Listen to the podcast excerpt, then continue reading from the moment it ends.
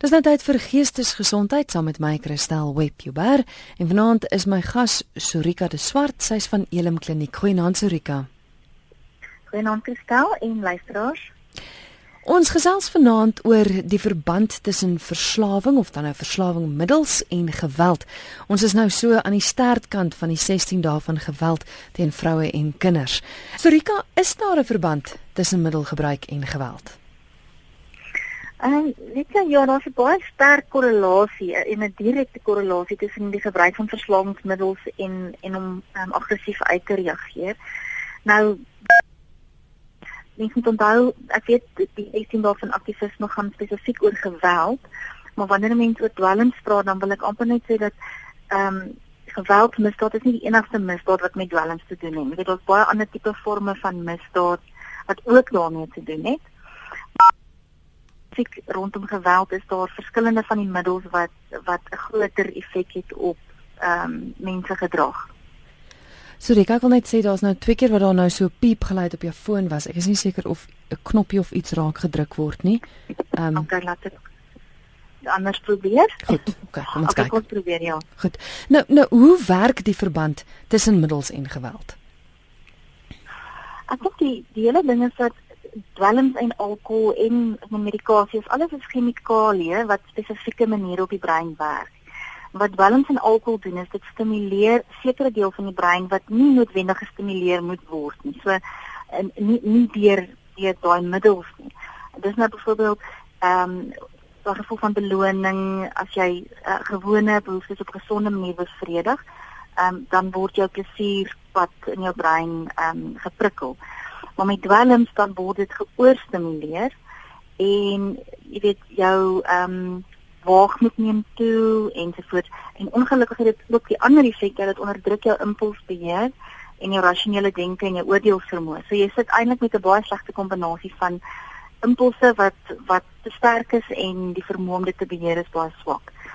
Ehm um, so van die middels veroorsaak dan nou oormatige adrenalien of dopamien wat afgeskei word en dit oorspoel half jou lyf. Hmm. Ehm um, en mense reageer verskillende mense reageer verskillend, maar geweld is een van die moontlike maniere waarop gereageer word. Is daar sekere middels wat meer geneig is tot geweld? Ja, daar's uh, definitief. Ek dink die bekendste een wat almal maar van weet, alkohol korreleer nogal sterk met dinge soos selfmoord, gesinsmoord en gesinsgeweld in die algemeen. Ehm um, nou ek wil half uit my ervaring in die privaat praktyk sê, ehm um, as daar gesinsgeweld is, dan is daar iewerster 'n misbruik van 'n middel en en baie maal alkohol. Ehm um, so alkohol is nou by by baie mense die die ehm um, sneller om hulle aggressief te maak, anders nou vrolik en baie raak vaak. Ehm um, maar ongelukkig lyk like dit asof dit daai impulsbeheer ehm um, affekteer. En die tragiese ding is daar is verskeie mense wat juis alkohol gebruik omdat hulle dink dit gaan hulle kalmeer, omdat hulle reeds weet hulle het 'n aggressieprobleem. So alkohol is een van die grootes en dan natuurlik al die ander verskillende dwelmmiddels. Net naga as dit gemeng word met ander goed kan kan aggressie veroorsaak. Uh die goeters is LSD en ecstasy nie regtig nie. Dit word nie geassosieer met aggressie nie en dan jou opiate soos heroïne, morfine en kodein gewoonlik het dit ook die teenoorgestelde effek. Dit maak 'n ou eerder rustig en lomerig en half verdoof. Uh maar vir amper sê stimulante by uitstek is is die middels wat groot probleme veroorsaak, dit en alkohol. Hmm. Hoekom veroorsaak stimulante noodwendig aggressiewe gedrag? Jy het nou vroeër genoem dat dit is maar chemiese goeters en dat dat dit ja. tas maar iets in jou brein aan. Is dit so eenvoudig as dit? Ja. Dit is stimulante baie spesifiek word ook appers genoem. So oh. wat dit doen is dit stimuleer jou sentrale senuweestelsel. So dit dit druk eintlik alles in jou lyf op om in wat ons noem 'n maximum overdrive te gaan. Jy word nie moeg nie, jy word nie honger nie, jy is nie lus vir slaap nie en jou libido verhoog. En as jy daarmee saam nou jy weet beperkte toleransie vir stres byvoorbeeld sit of wat ook al dan dan sit 'n mens met 'n plofbare situasie. En dan verstaan mens ook dat baie mense gebruik middels nie net omdat hulle lekker is nie, maar omdat daar onderliggende probleme is. Ehm um, so wanneer jy dan 'n middel in het, is jou inhibisies in elk geval ehm um, geaffekteer, maar die spesifieke ding rondom stimulante en in ons land is die grootes is matik wat metamfetamien is, kokaine, crack en cat is is die grootes wat gebruik word en almal van hulle ehm um, veroorsaak aggressie by die gebruikers. Baie van hierdie middels was ook in die oorlog gebruik spesifiek vir soldate om hulle weet omdat hulle dit is nie moeg nie en jy word nie vaak nie en jy kan langer uithou en maar ook het dit die neeweffek gehad om aggressie te veroorsaak. So baie van die middels is baie spesifiek vir soldate gedurende oorlog gegee omdat dit daai aggressie by mense trigger. Is 'n luisteraar wat sê hoe onderskei mens die lyn tussen wanneer iemand dwelms gebruik en gewelddadig raak of net sonder rede gewelddadig raak? Dis moeilik. Ehm um, as 'n mens want van iemand verslaaf is, gaan waarskynlik dit vir 'n tyd lank probeer wegsteek so goed as wat hulle kan. So as jy sit met iemand wat ehm um, uitreageer gedrag het, dan dan kan 'n mens wonder of daar dwelms by betrokke is. Maar ek dink die kort antwoord is waarskynlik as iemand 'n patroon, 'n langtermynpatroon het van uh, aggressiewe gedrag en irritasie en miskien gewelddadige gedrag sonder dat daar middel by betrokke was, dan dan sit net waarskynlik met ander goeie sielkundige goed, geestesgesondheid, goed persoonlikheidsissues, ehm um, stres, omgewingsfaktore wat wat daartoe bydra. Maar as iemand se gedrag verander en dit vind ons dat 'n persoon is, is 'n doodliewe mens en hy gaan nie 'n vliegskade doen nie, maar wanneer hulle van hierdie middels in het, verander hulle en en raak werklik aggressief. Ehm um, so enige verandering in gedrag kan vir mens ehm uh, bekommer. Alhoewel ek wil net weer weer sê dat geweld nie net deur middels veroorsaak word nie. Ek dink dit is 'n belangrike punt om te ja. onthou. Ons praat nou spesifiek vanaand daaroor, maar dit is nie waarby dit ja. bly nie, ja. Ja, die tema vanaand is die verband tussen verslawingsmiddels en geweld. My gas is Sorika de Swart, sy is van Elim Kliniek en jy is welkom om saam te gesels. 3343 is die SMS nommer. Dis waar jy Die luisteraar dan ook nou vir ons 'n SMS gestuur het wat sê my man is 'n polisieman en hy's verslaaf aan die hoesmiddel Broncleer. Hy doen alles om dit in die hande te kry. Hier is 'n vrou wat dit vir hom koop by die kliniek. Watse regterlike stappe kan ek teen die vrou neem? Ja, dit is van nie heeltemal eintlik maar maar ja, wie het, het jy dan? Ja. Dit is baie moeilik om om regtelike stappe teen iemand te neem wat vir 'n volwassene medikasie ehm um, aankoop. So ek wil amper al sê die fokus moet wees miskien op by die by die spesifieke apteke te gaan praat en te sê, weet jy, my man het 'n probleem, ek wil graag die ehm um, die die koop daarvan stop of rekenings toemaak, maar jy gaan nie weet dat iemand anders vir hom gaan koop nie. So ek dink miskien is die die die ding is om hom by 'n professionele persoon uit te kry, ehm um, te kyk of mense hom gemotiveer kan kry vir behandeling. Hmm. En as hy nie gemotiveerd raak nie en en en die kommer is groot, dan kan 'n mens altyd 'n nuwe vrywillige opname doen. Ehm um, wat nou nie noodwendig die beste ding is vir ou se motivering om op te hou om middel te gebruik nie. Maar dit is dit is baie tipies van enige iemand wat 'n dwelmmiddel gebruik is. Jy moet onthou dat wanneer jy begin onttrek van daai middel, soos as jou man nou van die die medikasie begin onttrek, dan verander hulle gedrag ook.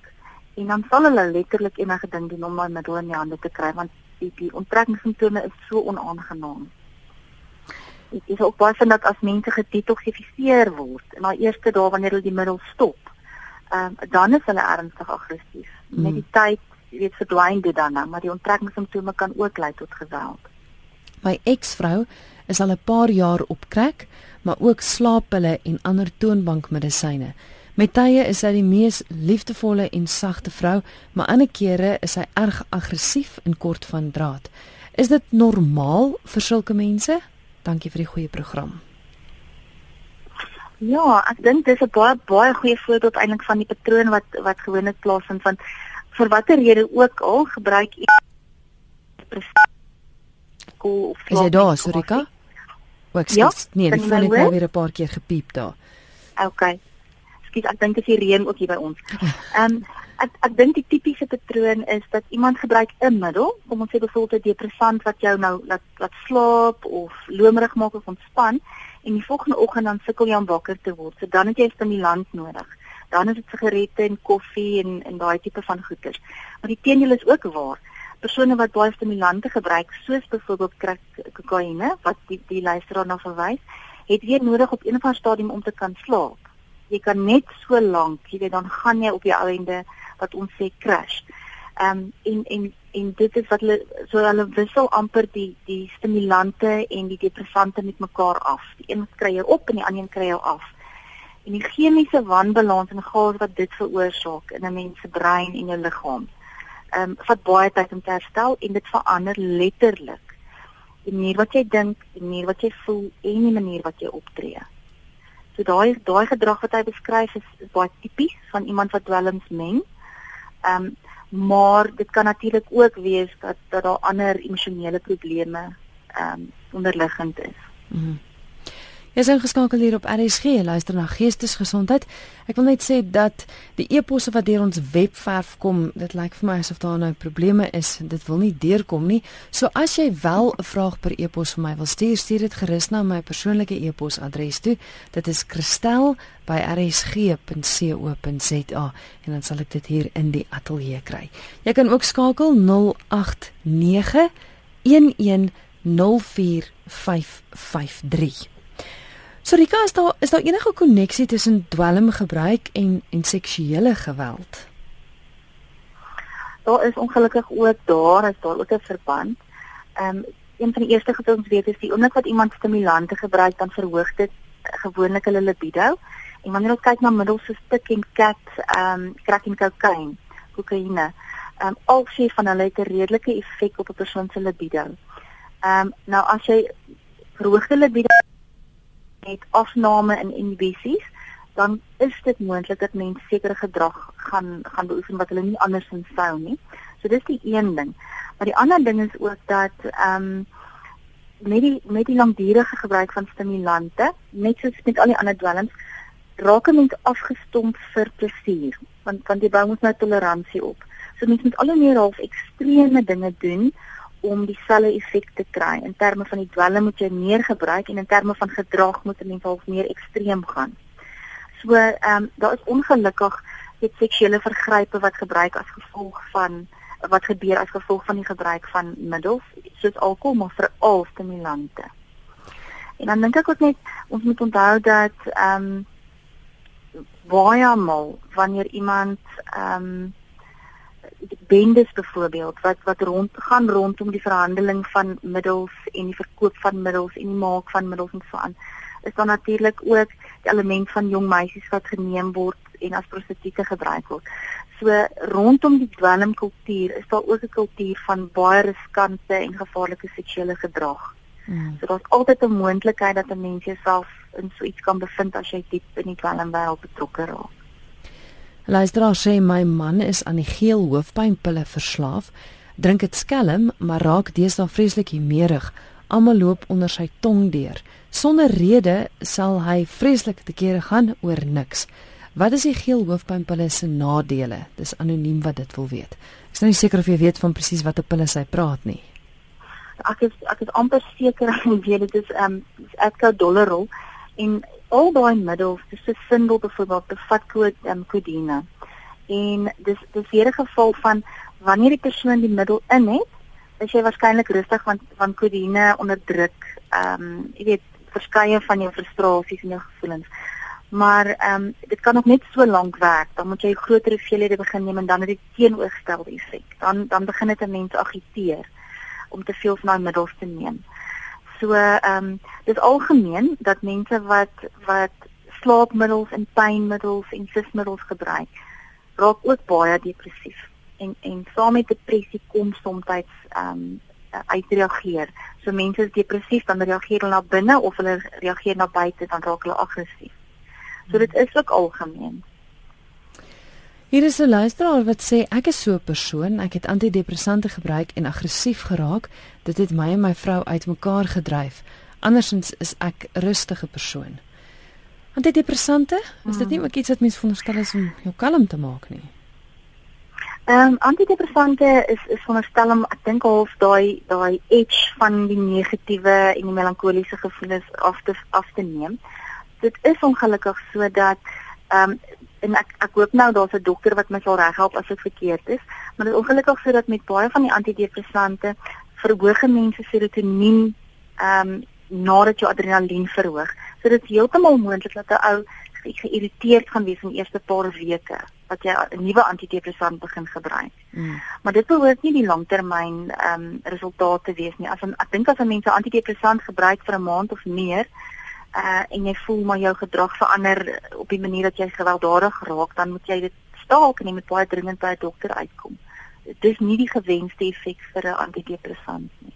En die luisteraars kan ek net sê, hm? hm? ek kan ek net sê dat ek wil net duidelik maak mens kan nie verslaaf raak regtig aan 'n antidepressant nie. Ehm um, daar is mense wat 'n mate van 'n toleransie opbou. Ehm um, maar as as jou antidepressant jou so laat voel, moet jy terug dokter sien. Die luisteraar sê nou hy hy het bewus geword van sy eie optrede. Is is dit meeste van die gevalle so of of sou iemand byvoorbeeld heeltemal te veel gedrink het, sal hulle bewus wees dat hulle optree soos wat hulle doen? Ons dors letterlik tye en ons weet dit baie spesifiek met mense wat ernstige alkohol misbruik oor lang termyn want ons gaan jou hele rasionele deel van jou brein affekteer en dit sluit in geheue en bewustheid en oordeelvermoë so aan. So daar's regtig mense wat vanaand een of ander, jy weet, ontploffing het en môreoggend nie 'n ding daarvan kan onthou nie. Maar dan is dit al in 'n redelik gevorderde stadium. Ehm um, en ek dink baie maal sal familie en vriende dink, "Maar nou praat jy mos nonsens. Jy onthou jy wil nou net nie verantwoordelikheid neem nie." Maar dit is regtig so dat daar by tye ehm um, ska soveel skade is, die liggaam raak so toksies en die brein ehm um, kan net nie met al hierdie ehm um, want want hy sien alkohol byvoorbeeld as 'n as 'n gif. En hy kan nie met dit alles deel nie en 'n persoon kan dan regtig al flou word of 'n flou te kry. So dit is heeltemal moontlik. Maar ek wil ook sê, ehm um, ek dink dat die luisteraar noem wat belangrik is is baie mense is baie baie deeglik bewus van hoe hulle reageer wanneer hulle die middel in het. Maar dit maak nie meer saak op daai stadium nie. Ehm um, dis amper asof wanneer jy regtig verslaaf raak aan 'n middel dat asof daar 'n ander ego status. Nie nie 'n tweede persoonlikheid nie, maar daar's daar's 'n ander deel van jou wat uitkom en hierdie ander deel ehm um, het 'n totale ander waardesisteem. So jy gaan dinge doen om die middel in jou hande te kry wat jy nie andersins sou gedoen het nie. En dit sluit in soms hmm. sê die ander hand van 'n vrou of die misbruik van 'n kind of wat ook al. Want nou gaan dit nie net oor die kry van die middel nie, maar dit gaan oor chemiese wanbalans wat deur hierdie middel veroorsaak is. 3343 is die SMS nommer, nog 'n SMS wat deurgekom het wat sê: "Hallo, nou word daar vir my vertel dat wanneer mens dronk geword het van alkohol en mens gebruik stimulante soos byvoorbeeld cat, maak dit jou nugter. Hoe kan dit wees as jy jou liggaam vol alkohol pomp dat enige ander stimulant jou nugter maak?" Dit punt nommer 1, is dit so en en hoe hoe kan dit so gebeur? Ja, dit is eintlik nogal algemeen dat mense wat kokaine gebruik of eh, ja, wat kokaine gebruik dan ook dit afwissel met alkohol. En die rede daarvoor is dan hou die effek van die goeters langer. Jy kan meer kokaine gebruik deur die loop van die aand. So met ander woorde, die alkohol bring jou so 'n bietjie af en die kokaine werk dan die effek van die alkohol teë. Gaan jy nie noodwendig sober maak nie, maar dit gaan ehm um, keer dat jy nie sien nou maar slaperig raak of wat ook al nie. So dis nogal tipies as mense wil partytjie hou. Hmm. Ehm um, gebruik vir party ouens gaan dit jou lomerig maak en nie regtig lus vir 'n partytjie nie. So dan wissel hulle dit af. Jy kry die toksiese effek van die alkohol en dan het jy die effek van die van die kokaine wat jou hoog maak. Ehm um, ek dink dit dieselfde maar met cat waarskynlik ook. So ja, dis dis heeltemal moontlik dat die een dit maak jou nie sober nie, maar hy hou jou wakker en en alert. Goed, ek sien jy's nou 'n luisteraar wat probeer deurkom met 089 1104553 dis die nommer om te skakel. Ek wil net sê ons het bietjie probleme met Sorika se telefoonlyn.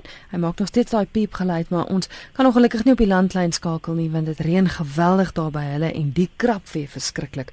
So wees maar net bewus van Ons effens 'n tegniese probleempie wat ons het, maar ons kan darm meeste hoor wat jy sê.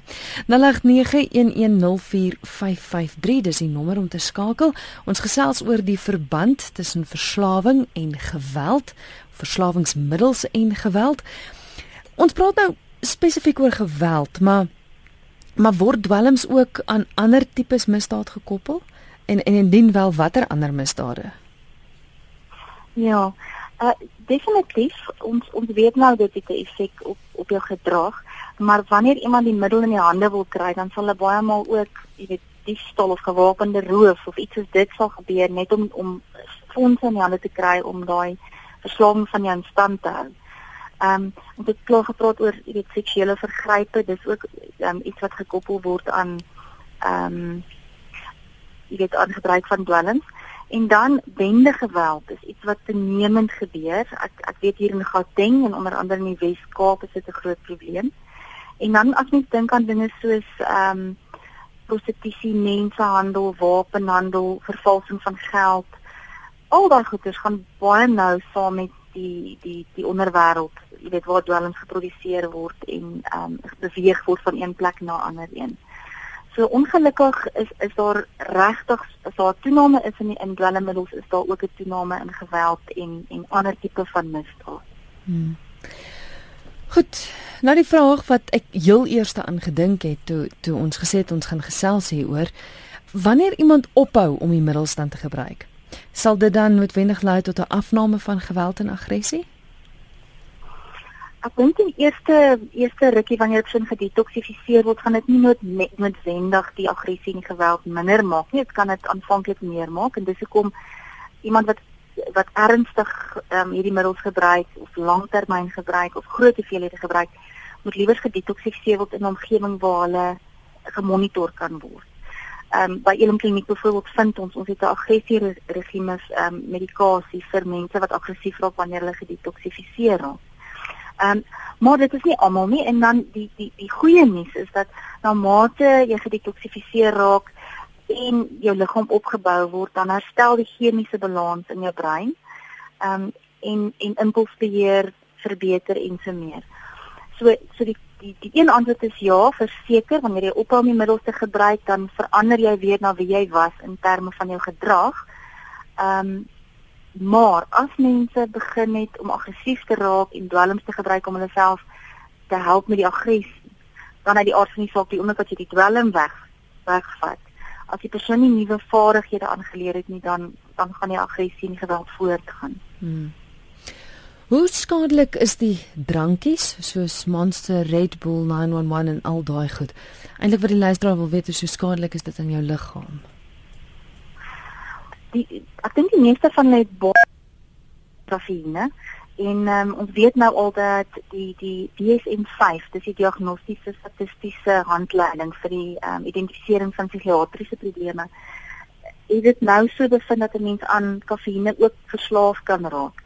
En een van die neeweffekte van oor oor oormatige gebruik van kafeïne is aggressie nou ek dink nie 'n ou gaan gewelddadig wees 'n monster gedrink het op dieselfde manier as wat jy crack kokain gebruik het nie. Ek dink in terme van die effek op jou liggaam is dit nie dieselfde nie. Maar ek dink irritasie, neerigheid, jy weet, kort van draad, emme dan kan dit jou dit kan dit jou affekteer. Hier is 'n luisteraar wat sê my vriend het vir 35 35 jaar vreeslik gedrink en het 4 maande weens swak gesondheid totaal opgehou drink. Hy was nooit humeurig of of aggressief terwyl hy gedrink het nie, maar is nou erg humeurig en selfs aggressief. Help asseblief. Ja, ek dink dit dis dit kan een van twee dinge wees as ek nou nie die hele konteks ken nie. Onthou dat 'n persoon waarskynlik as jy vir 30 jaar of of so alkohol gebruik het, dan is dit waarskynlik jou hanteringsmeganisme om om met die stres van die lewe te uh, om dit te kan hanteer en as as alkohol dan nou weg is, vir watter rede ook al, dan sit 'n mens met met nie 'n ander vaardigheid om stres te hanteer nie. Ehm um, en dit ook ongelukkig kom kom familielede partymal sal sê, weet jy wat, jy was aangenaam toe jy gedrink het. Jy weet, ek koop sommer vir jou maar 'n dop want dit is regtig so dat 'n persoon vir 'n lang tyd ehm um, alle emosies was verdoof. Die goeies en die slegtes. En nou skielik as jy die die middel ophou gebruik, dan kom gevoelens terug. Die goeies maar ook die slegtes en dan sukkel mense om om noodwendig daarmee te werk. Jy weet, as hulle nie in terapie met iemand daardie kan gesels nie. So ek ek wil amper half sê eerder as om dalk nou weet te wil hê dat hy weer moet alkohol gebruik of ander kalmeermiddels om van die aggressie ontslae te raak, is dit dalk tyd dat mens kyk na wat die oorsake is vir die vir die aggressie, die en die, en die oorsake vir die aanvanklike gebruik van alkohol. Hmm. Hier is 'n luisteraar wat sê as 'n persoon te veel alkohol inneem en gewelddadig raak, as ook baie lelike goed sê, maar môre niks onthou nie, hoe kan jy hom help want hy weet van niks en ontken alles? Nou, daai is baie moeilik. Ehm um, ek wil amper al sê een van die klassieke voorbeelde is 'n ou wat laat by die huis kom en te veel gedrink het en neerig is en hy sal die bord kos van die tafel af stamp of wat ook al. Die eerste ding wat wat die mense in die huis doen is om te gaan opruim en so net net so mense vat eintlik amper al die die um, bewyse weg dat daar een of ander alterkasie was. Mm. Ehm mm. um, en wat jy nodig het om te doen met 'n verslaafde om verandering te bewerkstellig is, is jy om hulle te konfronteer met die feite. Um, so as as hy môreoggend wakker word en hy kan sien hoe die huis lyk na hy goed rondgegooi het, dan kan vir hom sê, weet jy dis kan nie kan nie onthou wat gisterand gebeur het want dis dis wat hier gebeur het.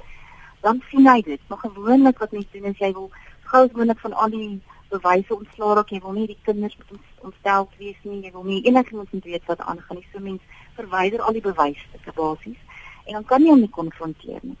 So ek wil amper al sê een van die maniere is om 'n intervensie te reël waar jy dit is 'n beste vriend en 'n familielid en selfs 'n werkgewer as dit nodig is bymekaar kry dat mens 'n gesprek met hom hê waar jy baie spesifiek kyk na ehm um, bewyse van gedragsverandering. En as dit dan nou beteken, jy weet, mense moet alles opneem op 'n selfoon of wat ook al, mm. dat jy die lawaai kan hoor dat jy hom later daarmee kan konfronteer, dan dan is dit soms wat jy doen. Maar nooit die ou konfronteer wanneer hy onder die invloed is nie. Jy weet natuurlik wanneer hy later dan nou sober is. En ek dink partymal is hulle baie geskok um, om te weet wat hulle aangevang het en hoe hulle klink en hoe hulle lyk wanneer hulle so onder die invloed is. Ja. So ek dink 'n konfrontasie is nodig, maar wanneer iemand erg aggressief is, dan wil ek ook sê moenie so konfrontasie op mense eie doen nie, vra professionele hulp. Ja, interessant want ek weet ook van mense wat wat dit op op video vasgelê het en daai persoon kon nie ja. glo dis hy nie. Ja. Hy hy En dis van my selfone is dit baie maklik om net 'n gesprek byvoorbeeld op ja. te neem. Ja. En ehm um, ek vind ek ek sê nie dis die beste nie, maar ek vind meer en meer dat ehm um, familie en vriende spesifiek dit doen om 'n persoon mee te kan konfronteer. Mm. Jy is ingeskakel hier op RSG. Ons is aan die startkant van die gesprek nog so 5 minute oor. Die tema is die verband tussen verslawingsmiddels en geweld. Jy kan saamgesels 3343. Dis 3343. Dit kos jou R1.50. Dit lyk my die e-posstelsel werk ongelukkig nou nie die een wat jy kan stuur via ons webwerf maar jy kan dit wel stuur na kristel@rsg.co.za of jy kan skakel ateljee toe 089 11 0891104553. Nou ek weet ons praat nou hierdie afgelope paar dae oor geweld teen vroue en kinders. Um ek wil gou hoor om hierdie het die middel dieselfde effek op kinders en vrouens in terme van aggressie en geweld want dit is nie noodwendig altyd net mans met wie dit gebeur nie. Ja, nee, jy's baie baie reg. Um, ek dink tradisioneel is vrouens en kinders die meer weerlose groep want hulle het net doeteenvoudig nie dieselfde fisiese krag nie. Ehm um, maar wanneer 'n vrou of 'n jong mens hierdie middels gebruik, kan hulle ook op 'n soortgelyke manier reageer. Ehm um, en en wat dan gebeur is dat die man partykeer deurloop onder 'n paar vuishoue of 'n messteek of wat ook al as dit ernstig is. So ek dink as as 'n vrou of 'n kind of 'n jong mens hierdie middels gebruik en hulle kan 'n wapen in die hande kry dan dan maak dit hulle ook gevaarlik. En dan is gesinsgeweld ongelukkig ook 'n probleem. Hmm. Ja, hy is 'n luisteraar wat gesê het dat sy vrou ehm um, ly in geweldig baie stres en om haar te kalmeer speel hy rustige musiek, maar ongelukkig is hy aan alkohol verslaaf en sy raak dan gewelddadig en aggressief. Sy is groot van postuur en sy slaan my en die kinders met die vuiste. Ons moet buite slaap uh, uit vrees vir haar. Wat kan ek doen? So dit klink vir my na baie trauma en dit klink amper asof die hele gesin halfe ingryp ja. nodig het. Ja. Ek wil ek wil regtig vir jou aanbeveel om so gou as moontlik te kom by 'n maatskaplike werker dink ek of 'n sielkundige. As jou vrou nie op die stadium gereed is om hulp te kry vir die alkoholprobleem nie, dan dink ek 'n baie belangrike prioriteit. Ehm um, en ek wil amper sê eerste prioriteit is om die kinders en jouself te beveilig En soms in die proses waar jy jouself beveilig, bring dit die verslaafde by keerpunt waar hulle sê, maar weet jy wat, dit is hoe erg dit is, my familie is op vlug. Ehm um, maar ek dink verseker omdat iemand wat middels gebruik onvoorstelbaar is, moet 'n mens nie aanneem dat die die geweld nie gaan eskaleer nie. Ek dink 'n mens moet half aanneem dat die geweld kan eskaleer en mens moet handel daarvolgens.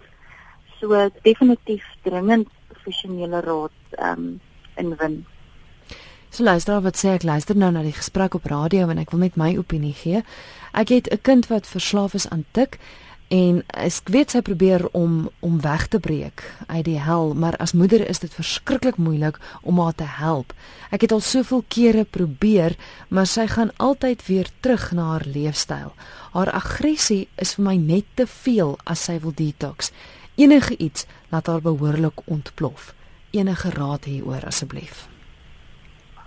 Metamfetamien is is is 'n verskriklike slegte dwelm en veral dit en crack kokaine ehm um, word baie baie gesien wanneer ons kyk na geweldsmisdaad. Dan as jy maar weer vra dan dan is dit een van die middels wat gebruik was. So metamfetamine is nie 'n ding wat iemand baie maklik self van af gaan wegkom nie. Die eerste en die tweede ding is so die toksifikasie is eintlik gevaarlik as 'n ou self so amper sê cold turkey wil gaan, is dit eintlik redelik gevaarlik. Ehm um, so ek wil al sê die toksifikasie onder mediese sorg ehm um, in 'n langer termyn opname klink vir my half nodig. So jy jy neem die persoon op dat hulle met mediese hulp gehelp word om deur daai ernstige onttrekkingssimptome te gaan want hulle gaan deur ongelooflike pyn en hulle raak aggressief. Maar as jy in 'n in 'n kliniek is waar dit beheer kan word en waar die persoon gemedikeer kan word soos nodig, ehm um, dan vat dit die ergste trauma weg en die gesin hoef nie daar weet dit te sien. En dan dink ek as iemand verskeie kere al teruggeval het dan moet mens wel kyk na ek weet nie of die persoon onder rehabilitasie sentrum was nie, maar as hulle al was, dan dink ek moet mens kyk na miskien 'n langer termyn.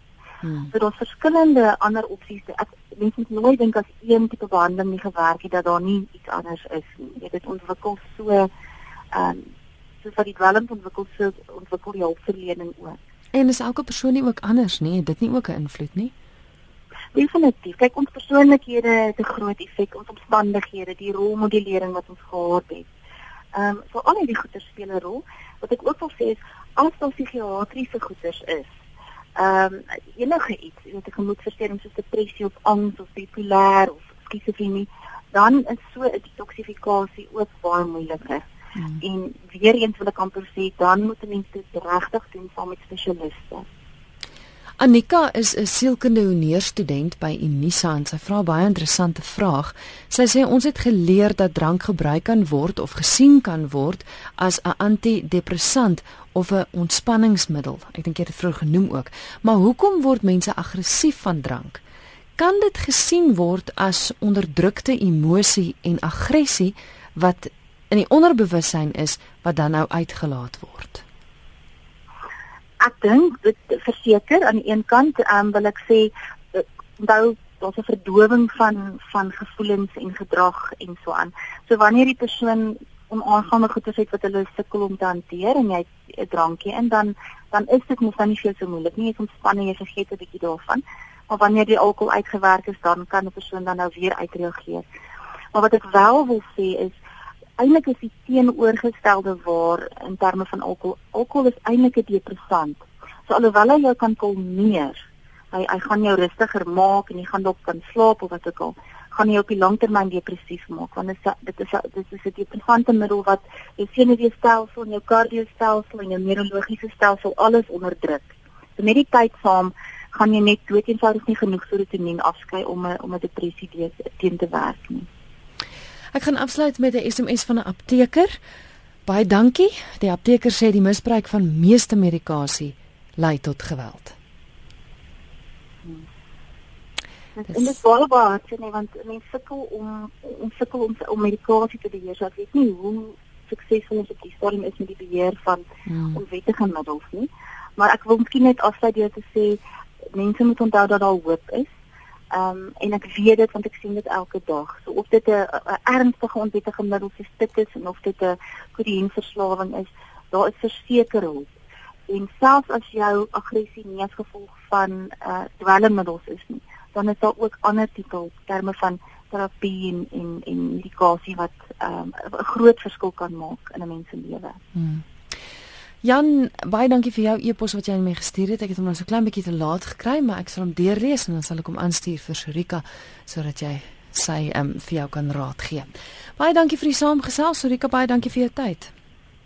Groot plesier. Vinnig kies voor ek groet. As iemand uh, met jou in verbinding sou wou tree, ek gaan nou wel Jan se e-pos aanstuur, maar wat is jou e-posadres en waar kan hulle julle aan die hande kry? OK, hulle kan my na surika@elimklin.co.za of jy kan ons kontak op 011 975 2951. En uh, mense kan ook na ons Facebook of ons webwerf gaan waar hulle al die e-mailadresse en kontaknommers sal kry. Wonderlik. En ek en jy uh, Webwerf kies. Nee, jammer. Ek wil ons webwerf www.elimklin.co.za. Fantasties. En ek en jy gesels die 23ste weer en eintlik iets wat aansluit by vanaand se gesprek, genoeg is genoeg. Jy weet, dit is Kerstyd, daai verantwoordelike gebruik van alkohol. Hoe kry mens dit reg? Ek sien uit om dan weer met julle te gesels. Dankie. Mooi gaan Surika. Goed reg. Dankie, Tata. Dis Surika de Swart met wie ek gesels het. Sy is van Elim Kliniek en vanaand se tema was die verband tussen verslawingsmiddels en geweld.